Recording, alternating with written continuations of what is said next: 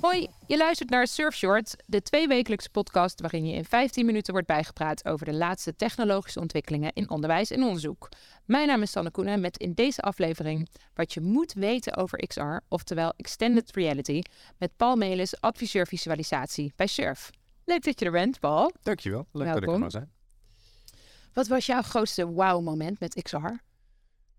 Jeetje, Ehm, ik denk dat dat een aantal maanden geleden was toen we een nou, een vrij dure headset gekocht hadden met een hele hoge resolutie. Veel hoger dan je normaal ziet. Merk Vario en die zette ik op en ik dacht van hé, hey, dit is wel echt veel beter dan ik verwacht had. Terwijl ik wel een heleboel van dat soort devices gezien en geprobeerd heb. Hier dacht ik echt van verrek, dit is wel weer een stap vooruit. En die zag ik niet aankomen. Oké, Het zag er zo realistisch en zo scherp uit dat ik dacht van oké, het, het gaat de goede kant op. oké. Ja. Nou, en wat die goede kant dan is, daar gaan we het ook Ja. over hebben, want er zijn natuurlijk wel benieuwd naar. Ehm, want als je in het kort zou moeten uitleggen wat XR is, Ja. ehm, wat is het? Het is eigenlijk een eh, soort van openkoepelend begrip voor virtual, augmented en mixed reality. En dat zijn drie nou ja, net iets verschillende vormen van, van XR. Eh, VR is waarbij je helemaal ondergedompeld zit in een virtuele wereld. Mixed reality is waarbij je ook nog iets van de echt- echte wereld ziet. En alles wat daartussenin zit. En dan zijn er nog wat technologieën die daar een beetje, nou ja, vaak in combinatie gebruikt worden, die we ook onder XR vatten. En het is eigenlijk een beetje een vage definitie, maar we gebruiken hem eh, waar we kunnen om te zeggen van dit is XR. Oké. En er zijn dus, nou, er zijn verschillen in, inderdaad. Ehm, maar wat, wat is nou, eh, wat, wat heb je aan deze technologie? Ja, er, er zijn verschillende opties. Hè. Eh, bijvoorbeeld VR kun je heel mooi gebruiken om virtuele wereld te maken die je helemaal onder controle hebt. Bijvoorbeeld in onderzoek. Eh, als jij wetenschappelijk onderzoek doet naar een bepaalde nou ja, manier van interacteren met, met mensen, dan kun je zo'n wereld helemaal bouwen. En je kunt iedere proefpersoon die je erin zet exact dezelfde wereld weer voorschotelen. Omdat dat volledig reproduceerbaar is. Uh, of je kunt gaan trainen in VR, waarbij iemand uh, een gesprekstraining aanbiedt met een virtuele persoon tegenover je. En die kan zoveel oefenen als die wil. Degene die tegenover zit, die is altijd beschikbaar. Een VR-headset als student mee naar huis kunnen nemen, zodat je het ook thuis kunt oefenen. Dus er zijn eigenlijk hele verschillende manieren om het te gebruiken. Ja, dus het is controleerbaar en schaalbaar. Dat is misschien, zijn dat de grootste voordelen? Ja, dat, is- dat is er één van. Um, kijk, in de meer mixed reality toepassingen, daar kun je dus dingen doen waar de werkelijkheid de basis is, maar je daarbovenop allerlei virtuele zaken laat zien. Dus wat je bijvoorbeeld kunt doen is een, uh, een echte oefenpop voor een of andere medische handeling die je wil doen, gebruiken. Op die op tafel ligt. Maar daar toon je dan virtuele dingen overheen, zoals grafiekjes van, van hartslag bijvoorbeeld, of van bloeddruk of dat soort dingen. Uh, waardoor je dus nou ja, meer kunt creëren dan alleen het fysieke ding. Ook allerlei scenario's heel makkelijk kunt uitprogrammeren die je laat zien. Oké. Nou kennen we VR als technologie al een stuk langer. Um, wat is de reden dat er nu een soort van momentum aan het ontstaan is in onderwijs en onderzoek? De, de, een van de grootste redenen is het beschikbaar komen van goedkopere devices die ook goede kwaliteit hebben tegenwoordig. Ze zijn eigenlijk de doorontwikkeling van mobiele telefoontechnologie, want zo is het eigenlijk begonnen.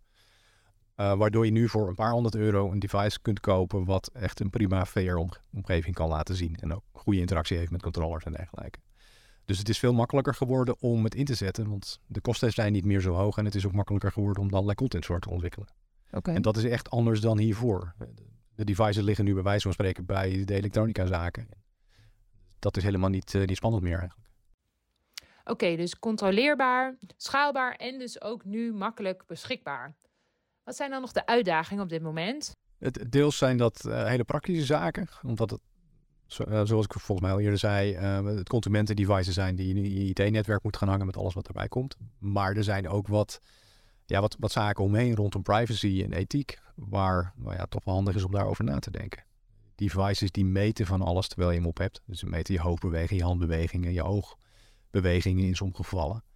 Daar kun je best veel aan aflezen van iemand dus een camera op iemands pupil zetten, daar heb ik hem als mooi paper van gezien, dat je daar best veel uit af kunt leiden, namelijk vergrote pupillen kan wijzen op, nou, noem wat drugsgebruik of, of een afwijking of zo.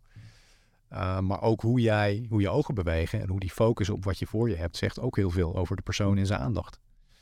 En al die data, die dus door die headsets nou ja, verzameld wordt, daarvan is lang niet heel duidelijk wat daar precies mee gebeurt. Of dat allemaal op het device blijft. Of dat dat verzonden wordt naar het bedrijf dat het device gemaakt heeft. Ehm, het liefst wil je dat natuurlijk precies weten. Als dat niet mogelijk is, wil je er even goede afspraken over kunnen maken. Dat het niet gebruikt mag worden voor, voor ads of iets dergelijks. En ook, nou ja, dat zijn discussies en afspraken die er eigenlijk nog niet goed zijn. Dat is allemaal niet goed afgekaart, maar dat is wel een hele belangrijke. Ja. Is dat nu een drempel om ermee te werken?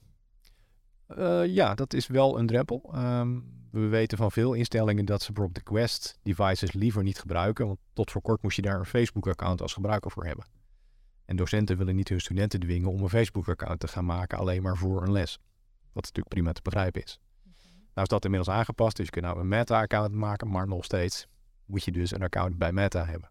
Nou, dus voor andere leveranciers is er vaak ook iets soortgelijks.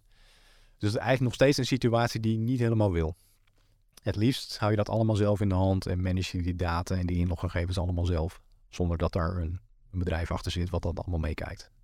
Oké, maar zou dat betekenen dat je eigenlijk ook een eigen device moet ontwikkelen als je dat echt in de hand wil houden? Ja, als je dat zou willen, maar dat is wel uh, ongelooflijk ingewikkeld en duur en lang. Uh, een lang proces.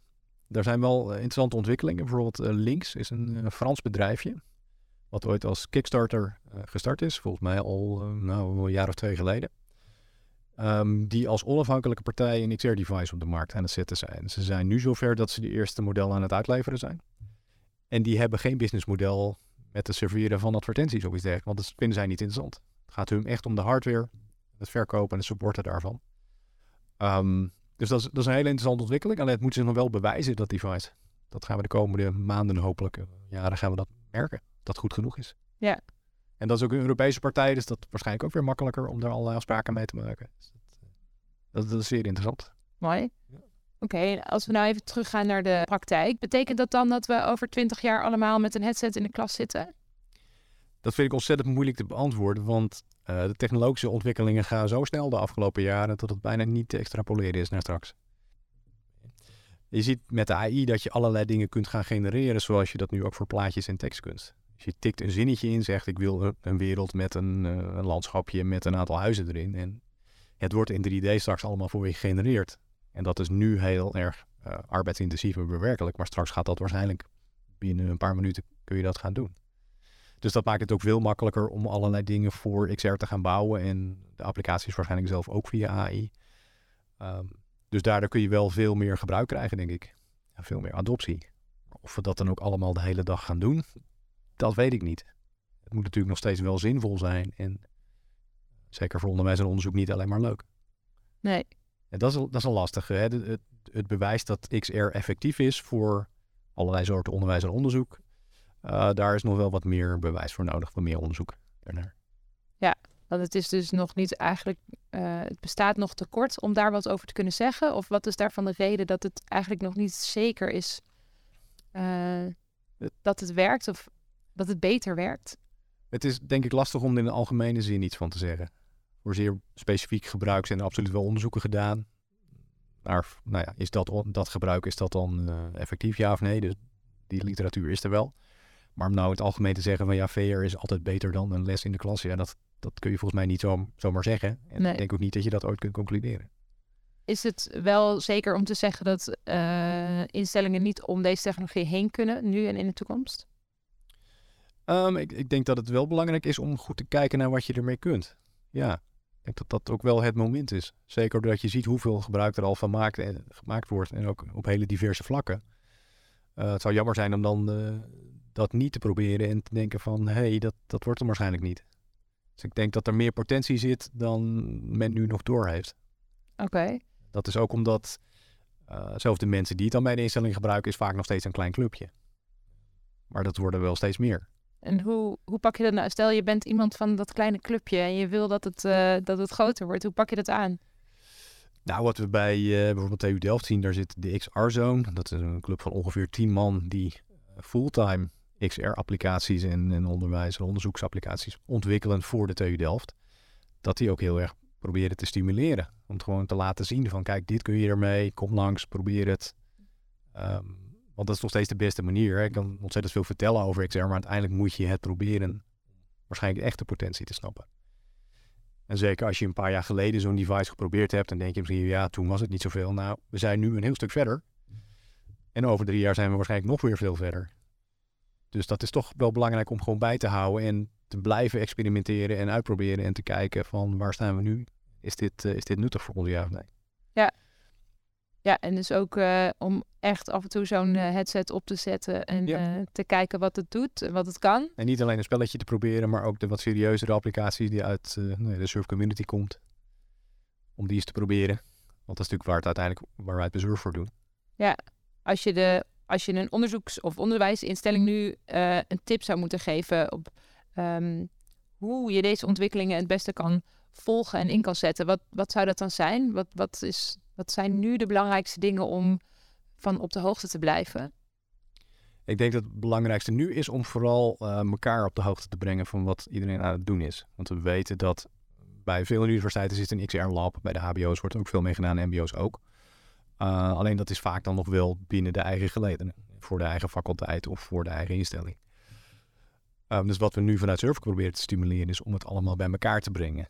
Een van de dingen is de National XR Op 5 juli bij de TU Delft. Waar we eigenlijk alles wat maar onderwijs en onderzoek met XR is bij de instellingen een podium geven. Uh, dus het is een hele dag met presentaties, workshops en demo's, discussies. Waarbij iedereen in ieder geval van elkaar kan leren van wat er gebeurt. En ik ben wel van overtuigd dat er veel meer gebeurt dan de meeste mensen doorhebben. Want zelfs voor ons bij Surf, waar we proberen het allemaal in de gaten te houden, blijft er steeds weer nieuwe dingen langskomen. Steeds weer nieuwe groepen die gave dingen aan het doen zijn die we niet wisten of uh, onderzoek aan het doen zijn. Maar wat is nou eigenlijk de, de, de meerwaarde van die samenwerking, behalve dat het leuk is om te zien waar anderen mee bezig zijn? Uh, eentje daarvan is dat het redelijk arbeidsintensief is om XR-applicaties te ontwikkelen. Het gaat dan deels om de software, maar het gaat ook om het maken van 3D-modellen en omgevingen. Uh, dat, kost veel tijd, veel geld. En dat houdt je natuurlijk een beetje tegen in het maken van allerlei onderwijsapplicaties. Bijvoorbeeld. Of het maken van lessen. Als je dat samen kunt doen, waarbij het werk verdeelt en zegt van nou, iets wat bij instelling A ontwikkeld wordt, gebruiken we ook bij B. Dat past er misschien iets aan, maar dat is al een hele grote basis voor les B. Dat helpt natuurlijk iedereen als je dat op die manier gaat doen. En ik denk ook wel dat de tijd uh, het goede moment is daarvoor nu. Uh, iedereen is al jaren eigenlijk op zichzelf voornamelijk bezig geweest. En nu kunnen we gaan kijken van nou, kunnen we dat dan samen gaan doen en hoe dan? Ja. Want zijn er nu, stel je, je, uh, je wil ermee aan de slag, zijn er, zijn er nu al plekken waarbij je open source applicaties kan vinden of waarbij je al ja, gewoon zeker. Nou, het van, de, van de schappen kan trekken bijvoorbeeld? Allebei. Um, je ziet bijvoorbeeld voor medische training dat er gewoon commerciële bedrijven zijn die dat al aanbieden. Uh, maar je ziet ook dat een aantal van de serverinstellingen uh, hun projecten in open source aanbieden. Voor anderen om verder te bouwen of om te, te hergebruiken. Mooi. Uh, en het maken van de applicatie zelf, kijk, de middelen die je daarvoor nodig hebt, dat valt eigenlijk wel mee. De, de meest standaard software die je daarvoor gebruikt, iedereen gebruikt dan wel de ene game engine of de andere. Er zijn er twee. Um, dus dat is, dat is aan zich niet spannend. Het kost alleen tijd en geld om dat te gaan doen. Maar voor de rest hoef je dat niet, uh, niet tegen te houden. Oké. Okay. Um, Saxion XR Lab bijvoorbeeld uh, in Enschede, daar zit een vrij grote club uh, studenten die allerlei gave projecten doen met, uh, met XR. Die, die, nou ja, die leiden zichzelf een beetje op, want die zoeken uit hoe dat werkt en hoe je dingen moet maken. Vaak ook voor bedrijfjes uit de buurt. Nee. Dus dat, ja, er wordt best veel door studenten gedaan. Cool. Zijn die ook te zien uh, 5 juli op de XRD? Ja, die staan er ook met een demoplein. Ja. Mooi. Er rest mij eigenlijk niks anders dan jou nog één allerlaatste vraag te stellen. Um, wat was in de afgelopen periode een, een, podcast, een artikel of een video of iets dergelijks? Waarvoor je zegt, nou, als je hier nou echt meer over wil weten of je wil nog een interessante invalshoek. Nou, ik zou zeggen dat er nog iets aankomt wat misschien interessant is. Uh, vanuit Sur wordt een glossy gepubliceerd over XR en dat is echt hoog over. Voor, um, nou, gewoon een overzicht van wat is het, wat kun je ermee, maar dan iets meer detail dan we in deze podcast hebben kunnen doen. Um, er zijn ook interviews bij gedaan met mensen van de instellingen, dus ik krijg ook wat meer een beeld van hoe men er daarover denkt. Als het goed is, dan over een maand of twee, dan, uh, dan is hij wel uit. Nou, dat klinkt hartstikke mooi. Uh, we gaan allemaal die glossy straks bekijken zodra die uh, online is. Hou daarvoor SurfNL in de gaten. Maar zoals Paul eigenlijk ook al aangaf, je moet dit echt ervaren om, om de mogelijkheden te, te zien. Dus als je daar nou graag in ondergedompeld uh, wordt, kom dan vooral naar de Nationale XR Day bij de TU Delft. Je kan je nog aanmelden. Meld je aan via surf.nl. Daar kun je ook meer informatie vinden over XR. En wil je Paul nou alleen in de lijven ontmoeten, dan, dan kan dat ook op uh, eh, 5 juli. Dus zet hem in je agenda, meld je aan um, en leer alles over XR op deze, op deze dag bij de TU Delft. We zetten de link in de show notes. Dit is een productie van SURF, de samenwerkingsorganisatie op het gebied van digitalisering in onderwijs en onderzoek in Nederland. Deze podcast werd gemaakt door Marieke van Dijk, Jan Michielsen, Philip Stijn en Sanne Koenen.